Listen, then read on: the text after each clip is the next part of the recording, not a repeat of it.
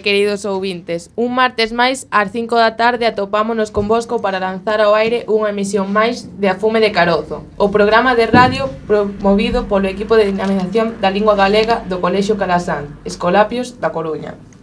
Este ano 2018 está tendo lugar unha importante efeméride cultural e política en Galicia. Hai un mes se conmemoraba o primeiro centenario da primeira reunión nacionalista celebrada en Galicia, concretamente en Lugo foi organizada polas Irmandades da Fala, que xurdiron aquí, na nosa cidade. E tamén falaremos do seu principal impulsor, que se chamaba Antón Vilar Ponte, de entidades moi relacionadas con eles, como Cantigas de Terra, e de algúns outros actos que tiveron lugar promovidos polas Irmandades, como a primeira Asamblea Nacionalista. Imos comenzar a debullar os contidos de hoxe, pero non debemos facelo sen antes presentarnos as persoas que hoxe vos vimos acompañar, que somos Alejandro Fraga, Víctor Tomé. Juan Manuel Martís Díaz. Enrique Pena. Carla Cotelo García. Jorge Cardezo Mosquera. En canto á música de hoxe, tiñamos un dilema. Non se conserva moita música da época, e a que se conserva está interpretada en estilos musicais que non conectan doadamente coa xuventude actual, aínda que non deixem, aínda que non deixaremos de intentalo e aínda vos daremos algunha sorpresiña. Optamos por pinchar música dun grupo cangués de metal que aínda hai uns anos fixo versións heavies de moitas cancións galegas coñecidas, cun grande éxito. O grupo chamase Astarot e no ano 2000 editaron o magnífico disco O sentir dunha terra, no que atopa case todas as cancións de hoxe. A primeira e a mítica Negra sombra de Rosalía de Castro. Escoitámola.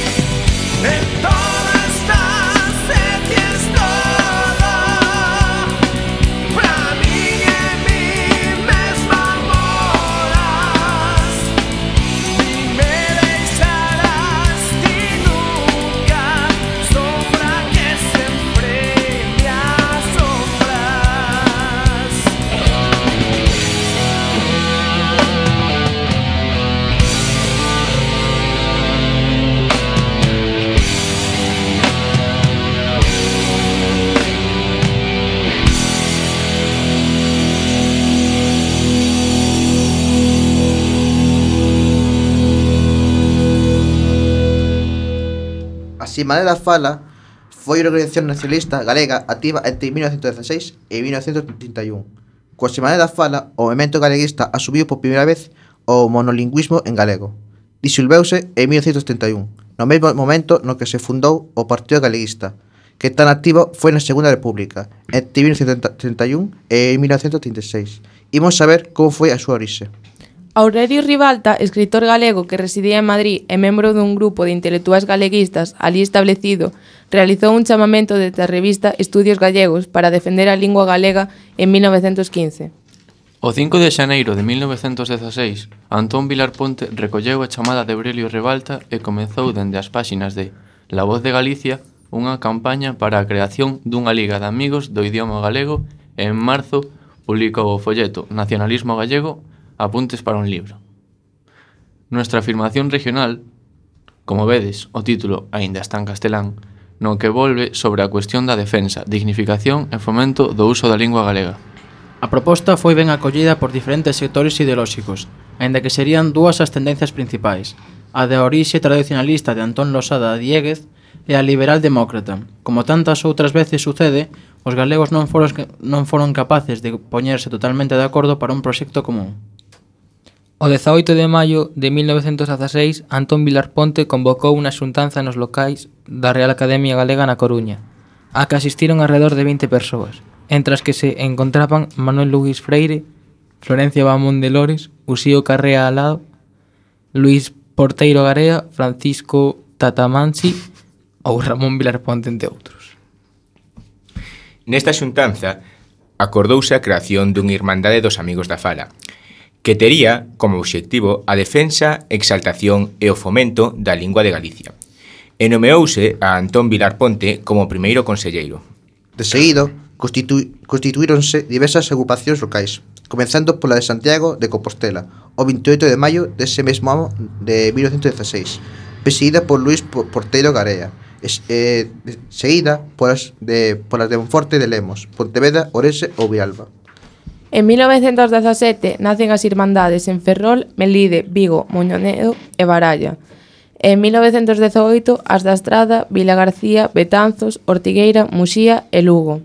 Nos seguintes anos seguen creándose outras até un total de 28, e a maioría delas elaboraban boletíns propios. Nestas agrupacións locais foron integrándose persoeiros como Aurelio Ribalta, Manuel Vanet Fontenla, Ramón Cabanillas ou Xoán Vicente Viqueira. Na agrupación de Ourense integráronse ao pouco persoeiros como Antón Losada, Dieguez, Vicente Risco, Ramón Otero Pedrallo e Florentino López Cuevillas.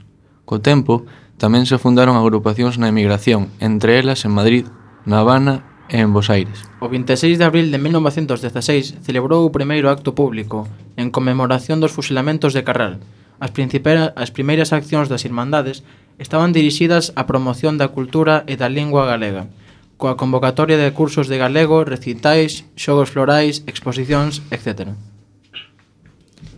Pero pronto comenzaron a manifestarse tamén iniciativas de carácter máis político, como a moso feito de presentaren en, 2000, en 1918 dous candidatos ás eleccións, Porteiro Galea Porcelanova e Losada Dieguez pola Estrada pola estrada, con negativos resultados en ambos os dous casos. Manuel Lugris Freire redactou que o himno originario o que foi o himno originario das Irmandades. Na fala gallega vive a e alma da nosa terra. A redención de Galicia nos seus acentos latexa. Pobo que o seu esquece, e traidor a natureza, como máis todos falemos, a nove fala gallega. Pode que non fora mala idea facer unha pausa. A segunda canción que escoitaremos de Starot é Lela, unha marchosa versión da canción que Castelao compuxo para a súa única obra de teatro, Os vellos non deben namorarse. Todos a cantar.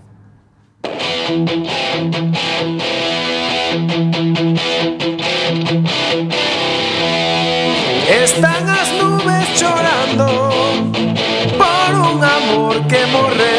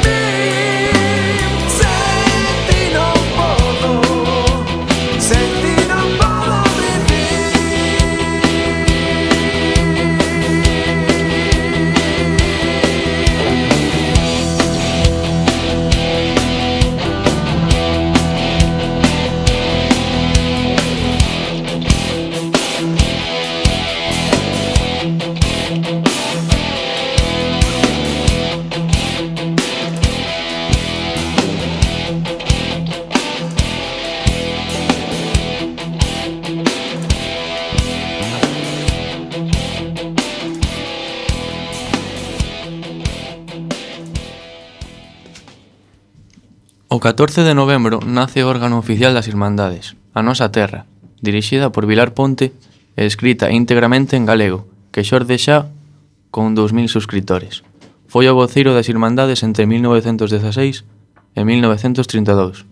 En febreiro de 1917, Luís Porteiro Garea deu un mitin no Casino Republicano da Coruña, que supuxo o paso á actividade política do movimento, salto que tería fulminantes consecuencias como o abandono dos elementos que só estaban interesados nun regionalismo cultural e a perda de apoio da prensa de restauración. A nosa terra deixouse de imprimir no obradoiro de La Voz de Galicia e este xornal converteríase no seu principal adversario. En novembro de 1917, unha delegación galeguista encabezada por Porteiro, Ribalta e Peña Novo foi convidada a Barcelona para a Semana Galeguista que organizaba a Giga regionalista de Cambó. En setembro de 1917 colaborou coa Liga para concorrer ás eleccións parlamentarias de febreiro de 1918, presentando candidaturas na Coruña Antón Valcárcel e en Celanova Luis Porteiro, aínda que non foron elexidos.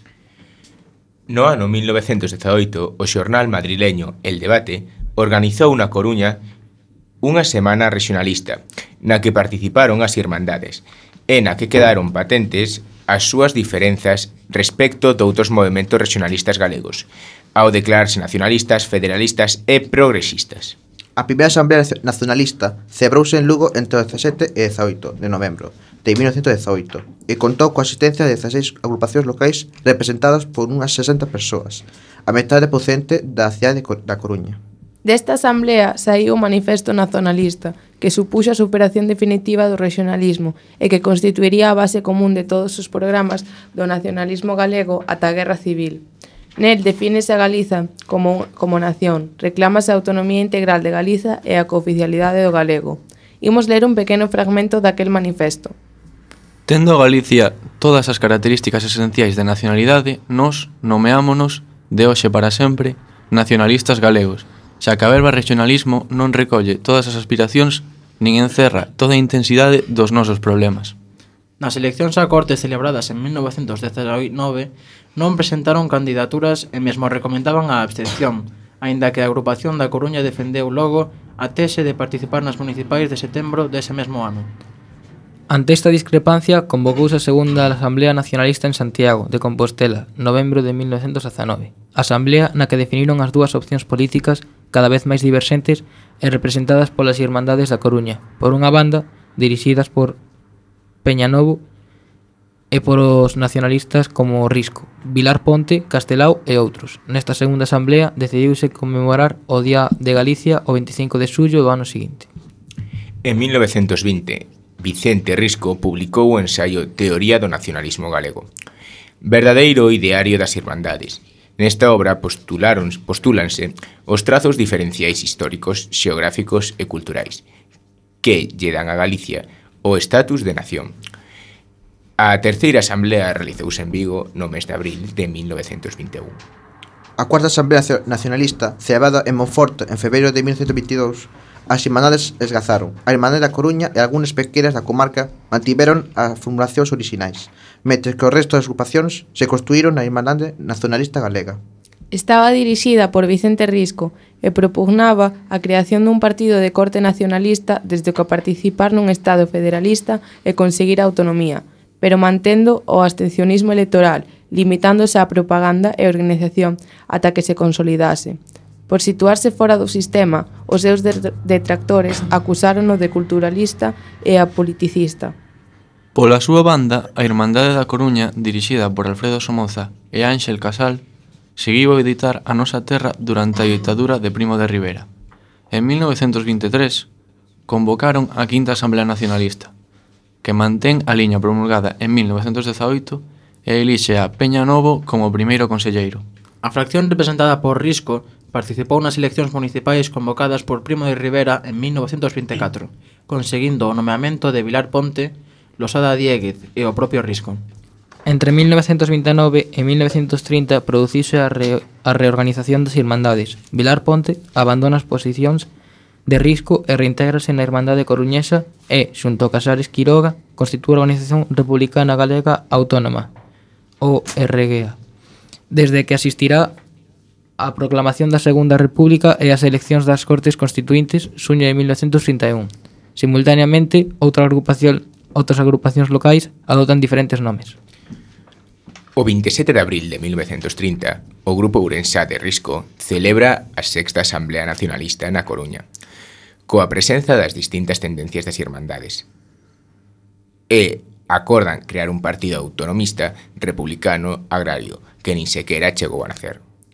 Por fin resorten algunhas ocupacións locais, entre elas a de Pontevedra, dirixida por Castelao, e convócase a sétima Asamblea Nacionalista, celebrada en Pontevedra en decembro de 1931. Nesta asamblea acordouse a creación dun partido político que aglutinase o galeguismo, constituíndose deste xeito o Partido Galeguista e a disolución das Irmandades. A Irmandade da Coruña non se disolveu como tal, senón que modificou o seu estatuto para constituirse en delegación do Partido Galeguista e mantivo a súa vida até 1936, aínda que moitos dos seus membros fundadores, Alfredo Somoza, Federico Zamora ou Arturo Taracido, non militaron xa nela, senón que seguiron na Orga.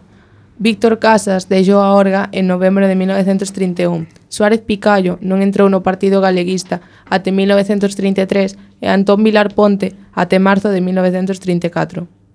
Como xa teredes oído algunha vez, A vida política galega e española foi moi convulsa naquel tempo.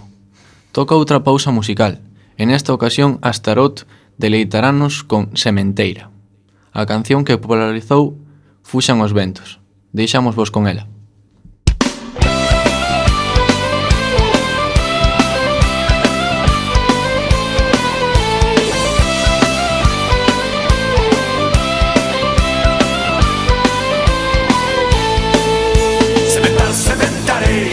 figlio del Clareal Intanto non può mettere un come un bene un cangar Cementar, cementarei, lo guiño del Clareal Intanto non può mettere un come niño, un bene un cangar Un meniño rebuldeiro, que fala lengua nai Que subos persegueiros, a falta verde roubar Cementar, cementarei, lo guiño del Clareal Intanto non può mettere un meniño, un bene un cangar cantar. Cementar, cementarei lo guiño de crear E tanto no povo mete un meniño Un bello un cantar. Un bello que de consellos Un gusto de fume e pan con todos os nenos No cuide do pas payás Cementar, cementarei lo guiño de crear E tanto no povo mete un meniño Un bello un cantar.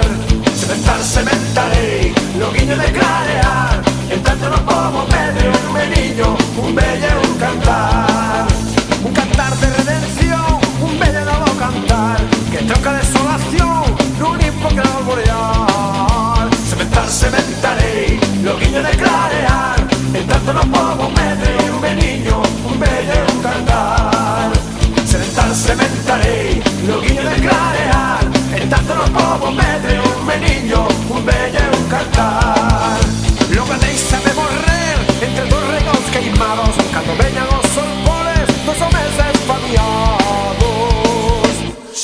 sementarei, loguiño de claro.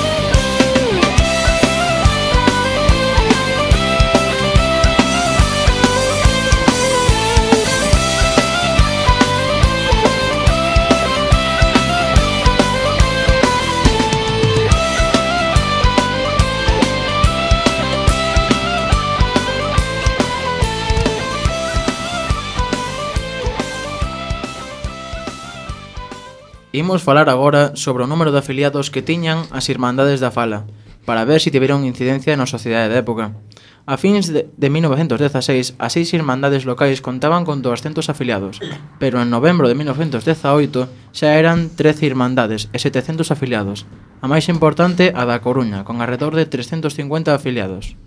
En 1919 permanecían 500 afiliados e en 1924 só quedaban 200. Despois da ditadura de Primo de Rivera, produciuse o renacer das Irmandades, que chegaron a 16 agrupacións e 700 afiliados en 1929, sendo xa 46 en 1931, o momento no que comenzaron a disolverse debido á fundación do Partido Galeguista. A maior parte dos membros das Irmandades estaba constituída por intelectuais e profesionais liberais. Pasemos agora á ideoloxía e o programa político e económico, A composición ideolóxica dos homes que compuxeron nun principio as Irmandés da Fala era ben variada. Nela cabían desde republicanos como Antón Vilar Ponte e demócratas racionais, non de radicais radicais, como Lois Porteiro. E o primeiro, Xaime Quintanilla, regionalistas liberais como Uxío Carre, Aldao, regionalistas tradicionais como Salvador, Cabeza de León, Juan Barcia Caballero, Juan, no, Felipe Gil Casares, xamai, xama, xai, xaimistas como Antonio Valcárcel e socialcatólicos como Luis Pañanovo. Van ser os sectores máis liberais e progresistas. Os que.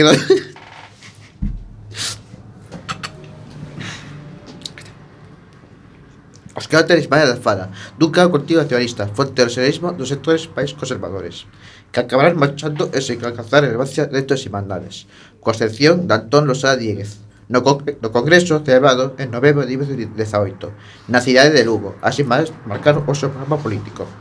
Decidiron que os obxectivos prioritarios eran autonomía integral para Galicia, autonomía municipal, ingreso de Galicia na Liga das Nacións, busca dunhas bases para facer posible un federalismo con Portugal. E por outra banda, os obxectivos para Galicia eran O poder legislativo encomendábase a un Parlamento galego, elexido directamente polo pobo. O poder xudicial estaría sempre desenvolvido por cidadáns galegos. Réxime tributario propio, sen intervención do poder central, co oficialidade do castelán e do galego, igualdade de dereitos da muller, supresión das deputacións provinciais, legislación social nas competencias que se estimasen non exclusivas do Estado, toda a potestade docente. Administración, non construcción dos ferrocarrís, fixación da cota de forzas que se estimasen precisas para manter a orde no país e, po, e control da política económica non excluídos os bancos. Sustentabilidade do dereito foral galego, recuperación por parte dos povos dos montes comunais, soberanía estética de Galicia, con que conservase nas construccións o estilo digno e propio de cada marco xeográfico. En canto aos aspectos literarios, o teatro foi obxeto de moita atención pola súa efectividade normalizadora ademais de propagandística, de cara ao gran público. Antón Vilar Ponte, tradutor e autor teatral, fundará xunto con outros intelectuais en 1919 o Conservatorio Nacional de Arte Galego, co obxeto de renovar estética e técnicamente o teatro galego. O proxecto, como resultado de diversas disputas entre renovadores e tradicionalistas, acabou en apenas un ano, aínda que en 1922 propiciou que se pudese crear a Escola Dramática Galega, aínda que se desenvolveu como simple continuadora do teatro regionalista. No entanto, nas décadas do 20 e 30, diversos autores, Ramón Cabanillas, Antón Vilar Ponte, Armando Cotarelo Valledor, desenvolven un labor de renovación co obxectivo de conseguir un novo tipo de público. Básicamente, trátase dunha ampliación temáticas de universalista e dun estilo máis teatral e menos narrativo. A ditadura de Primo de Rivera reduciu a actividade teatral ao folclórico. En canto a prosa de ficción, constituíu un dos proxectos prioritarios para as Irmandades. Aparecen así numerosas coleccións de nova, novela curta novela curta e relato, asociadas ou non a xornais e revistas, entre as que destacou a colección da novela curta Lareira en 1924 e 1927 na que publicaron Vicente Risco, Otero Pedrallo e Castelao. Por último, o ensaio, a través da consolidación do xornalismo galego, foi tamén un dos logros máis salientables desta época.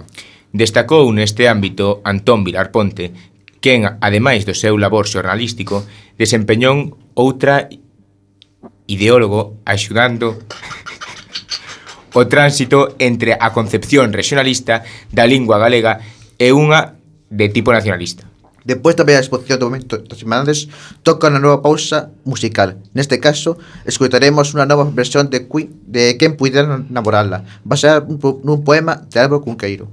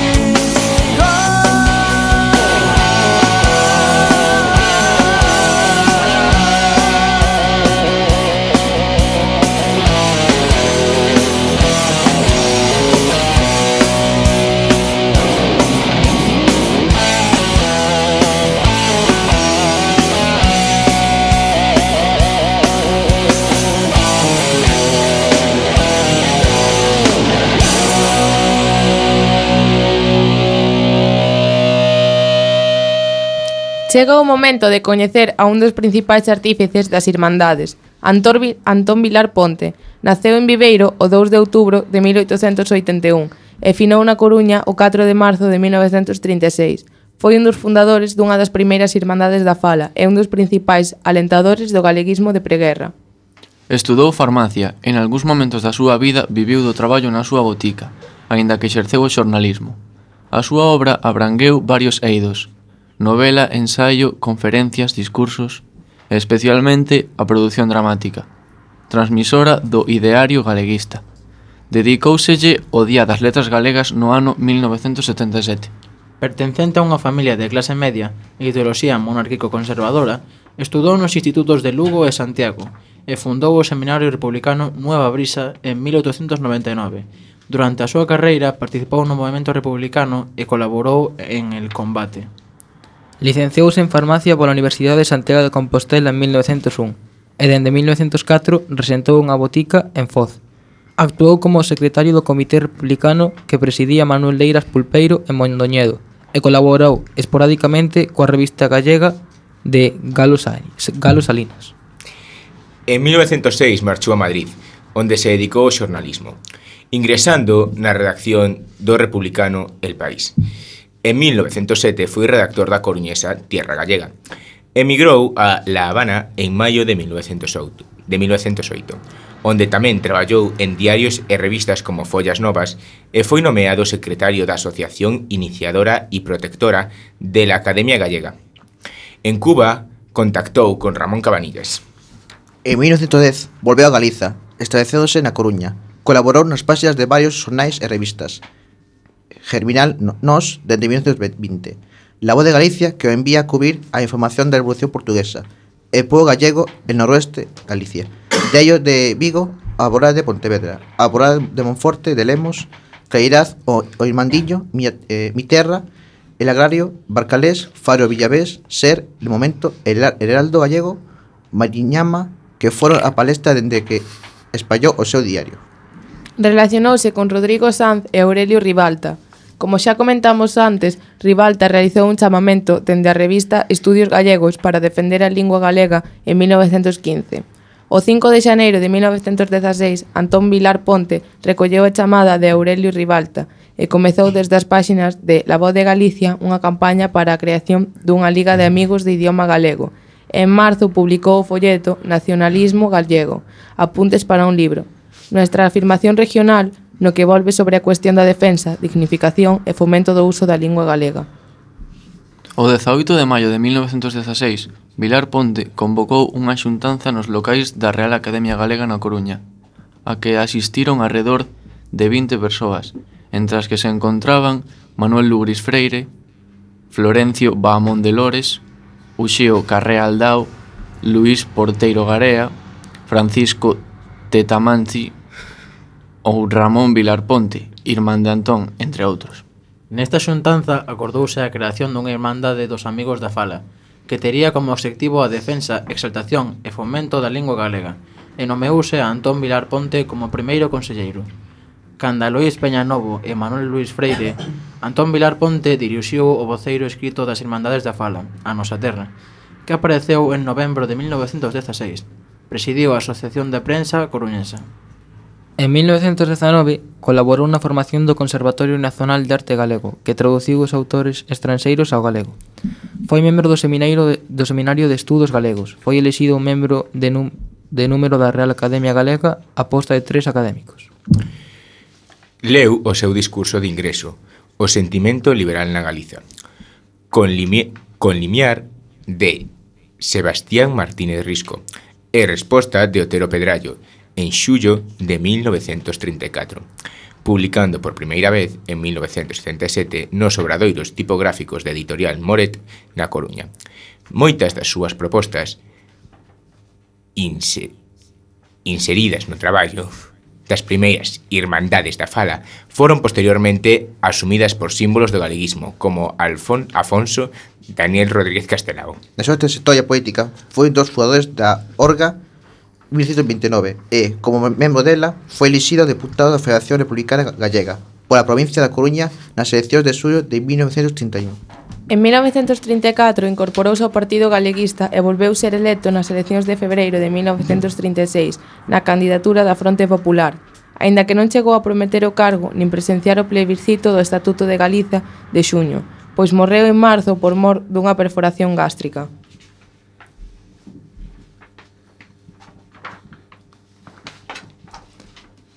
Toca agora escoitar unha nova peza musical. Nesta ocasión é unha nova versión de Muller que popularizaron Fuxan os Ventos.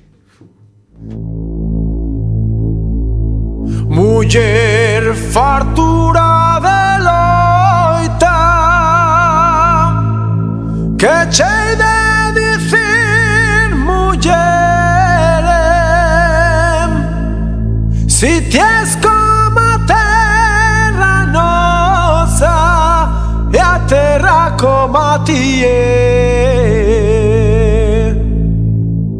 até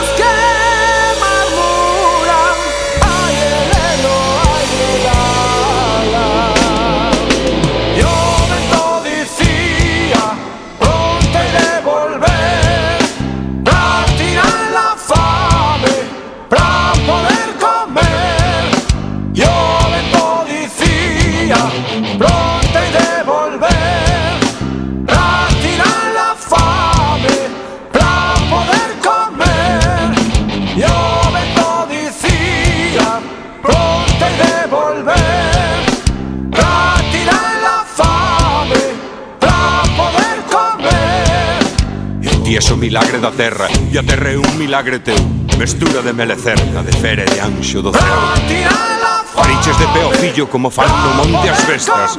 E oxe que eu volto vencido, para que eu venza ti te deiras E o voltar que chei decir Maldito día e hora en que vos deixei aquí para perdurar vida fora. O inverno de emigración roubou nos a primavera. Quen eu era xa non son e ti non esa que eras. Xa poden os leiros dar colleitas ben abondosas.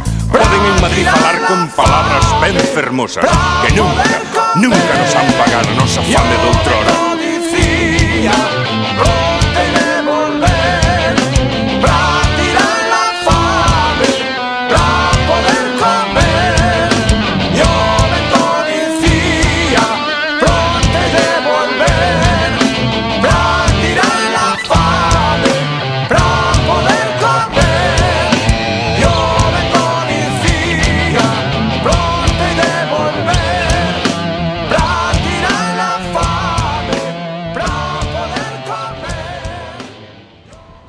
Se do ideario de Antón Vilar Ponte falamos, o seu traballo e reflexións contextualízanse nun momento de desenvolvemento intelectual e estético en toda Europa, e que en Galicia coincidiu co agromar de dúas posturas enfrontadas no seo do galeguismo.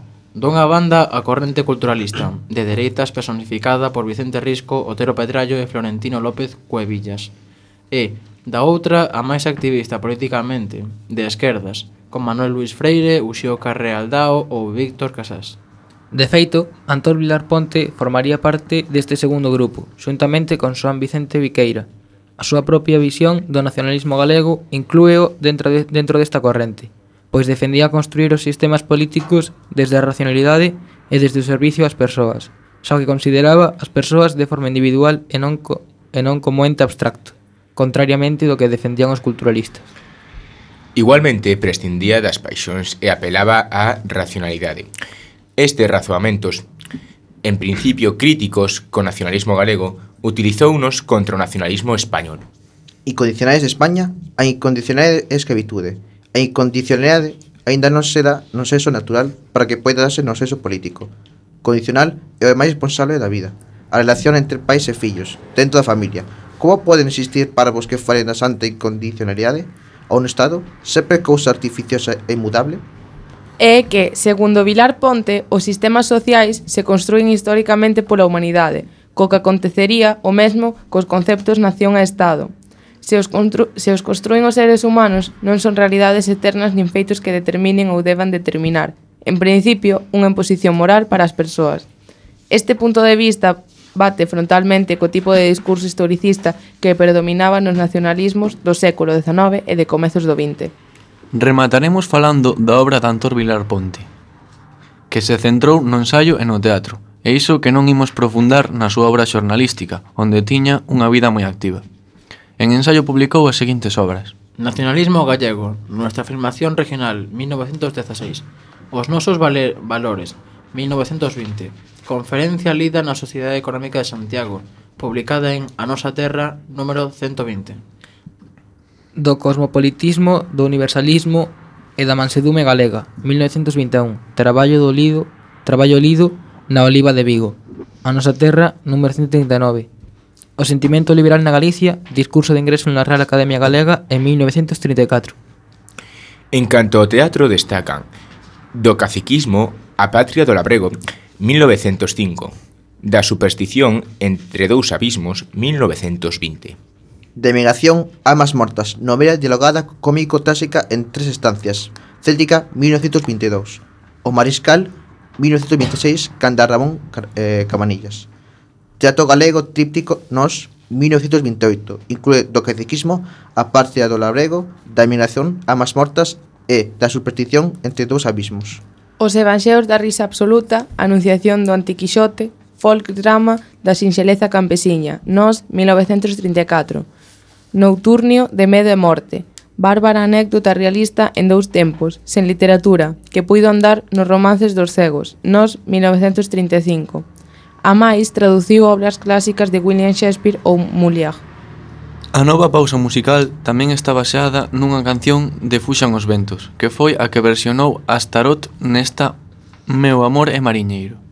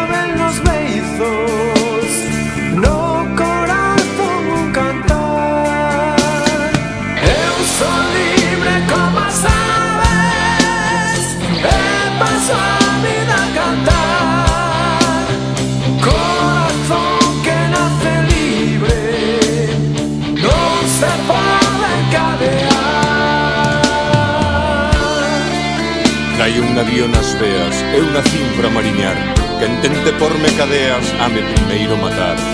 Vale máis ser libre un día no confín do bravo mar que vivir toda a vida preso, escravo e acalado. Él vive a la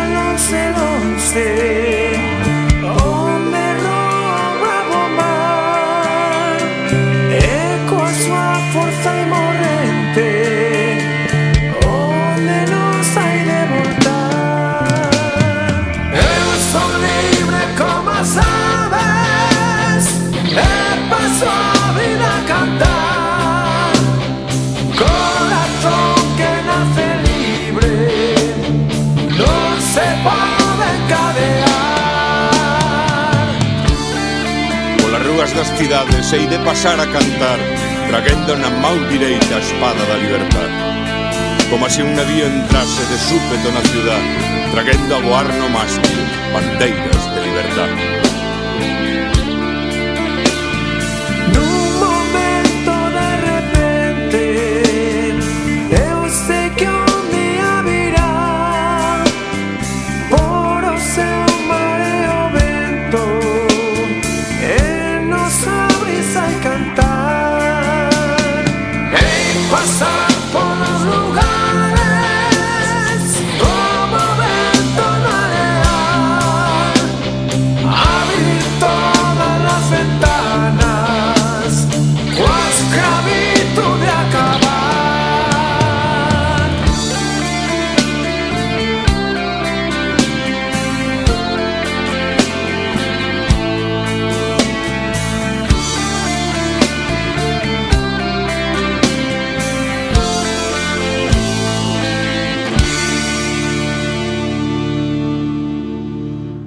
Imos rematar o programa falando da primeira Asamblea Nacionalista, celebrada en Lugo entre o 17 e o 18 de novembro de 1918 polas Irmandades da Fala. Foi a histórica asamblea onde o galeguismo político deixa atrás o regionalismo e avanza cara ao nacionalismo. Celebrouse no Teatro Lugo Salón.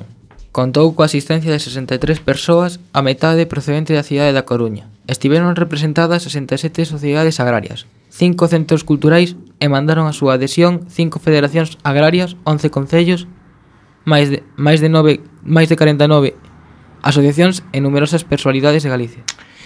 Da Asamblea saiu o Manifesto Nacionalista, que contribuiría a base común de todos os programas do nacionalismo galego ata a Guerra Civil Española. Nel defínese a Galicia como nación, reclámase a autonomía íntegra de Galicia e a cooficialidade do galego podemos mencionar algunhas cousas salientables que constaban nese manifesto. Por exemplo, no segundo punto sobre problemas constituintes solicítase 1. Autonomía integral para Galicia 2. Autonomía municipal, distinguindo o municipio aldeán do Vilego e nos aldeáns recoñecer a personalidade xurídica das parroquias 3. Cooficialidade dos idiomas galego e castelán Federación da Iberia Dentro desta federación, igualdade de relacións con Portugal Ingreso das nacionalidades da Iberia na Liga das Nacións. En canto aos problemas políticos, manifestaban igualdade de dereitos para a muller, representación proporcional como sistema electoral non baseado en aristocracias, senón que representen ao povo, disolución das disputacións provinciais, creación dun poder autónomo representado nun Parlamento galego elixido por un sufragio universal. En canto ás competencias dese poder autonómico, dicíase Primeira, nomeamento da Xunta Gobernadora que terá que exercer o Poder Executivo composto dun presidente e seis secretarios encargados dos departamentos de Administración, Xustiza, Ensino, Obras Públicas, Agricultura e Industria e Comercio. Todas as funcións administrativas. Legislación social agas naqueles casos nos que os problemas sociais se estendan a diversas nacións da Iberia. Réxime tributa tributario sen intervención do Poder Central ao que se paga, ao que só pagará o autónomo a cantidade que se fixe nos concertos económicos. Quinto, a potestade docente do Estado actual pasará enteira ao poder galego. Sexto, o réxime bancario no que intervirá pola función social que hoxe teñen os bancos e o mesmo para o crédito agrícola. Séptimo, correos e telégrafos, reparto de competencias entre poder central e autónomo. Oitavo, Ferrocarrís, a súa nacionalización e, e reparto das competencias entre o Poder Central e Poder Autónomo. Portos Francos, será facultade do Poder Galego a fixación das Forzas Armadas e Policiais que xulgue precisas para o, para o orde interno de Galicia. Nos últimos títulos deste manifesto, fálase de cousas como aspectos xurídicos, posta en valor do dereito foral galego, que as leis se publiquen en galego, igualdade de dereitos da muller, etcétera. Aspectos económicos, resolución das cuestións aduaneiras, repoboación forestal, forzosa, solución ao permanente absentismo dos propietarios da terra. Aspectos artísticos, proclamar a soberanía estética da nación galega, sobre as construccións urbanas e rurais, na expropiación dos monumentos e paisaxes e creación dunha escola musical galega. Chegou a hora de rematar o programa de hoxe. Lembrade que todos os martes ás 5 da tarde o equipo de, anima de, anima dinamización da lingua galega do Colexio Calasanz Escolapios da Coruña emite este programa de A Fume de Carozo realizado por alumnos do noso centro. Ose, os presentadores fomos Víctor Tomé, un bon Juan Manuel Martís Enrique Pena Carla Cotelo García Jorge Cardezo Mosquera e Alejandro Fraga Fidalgo. ¡A fume de carozo!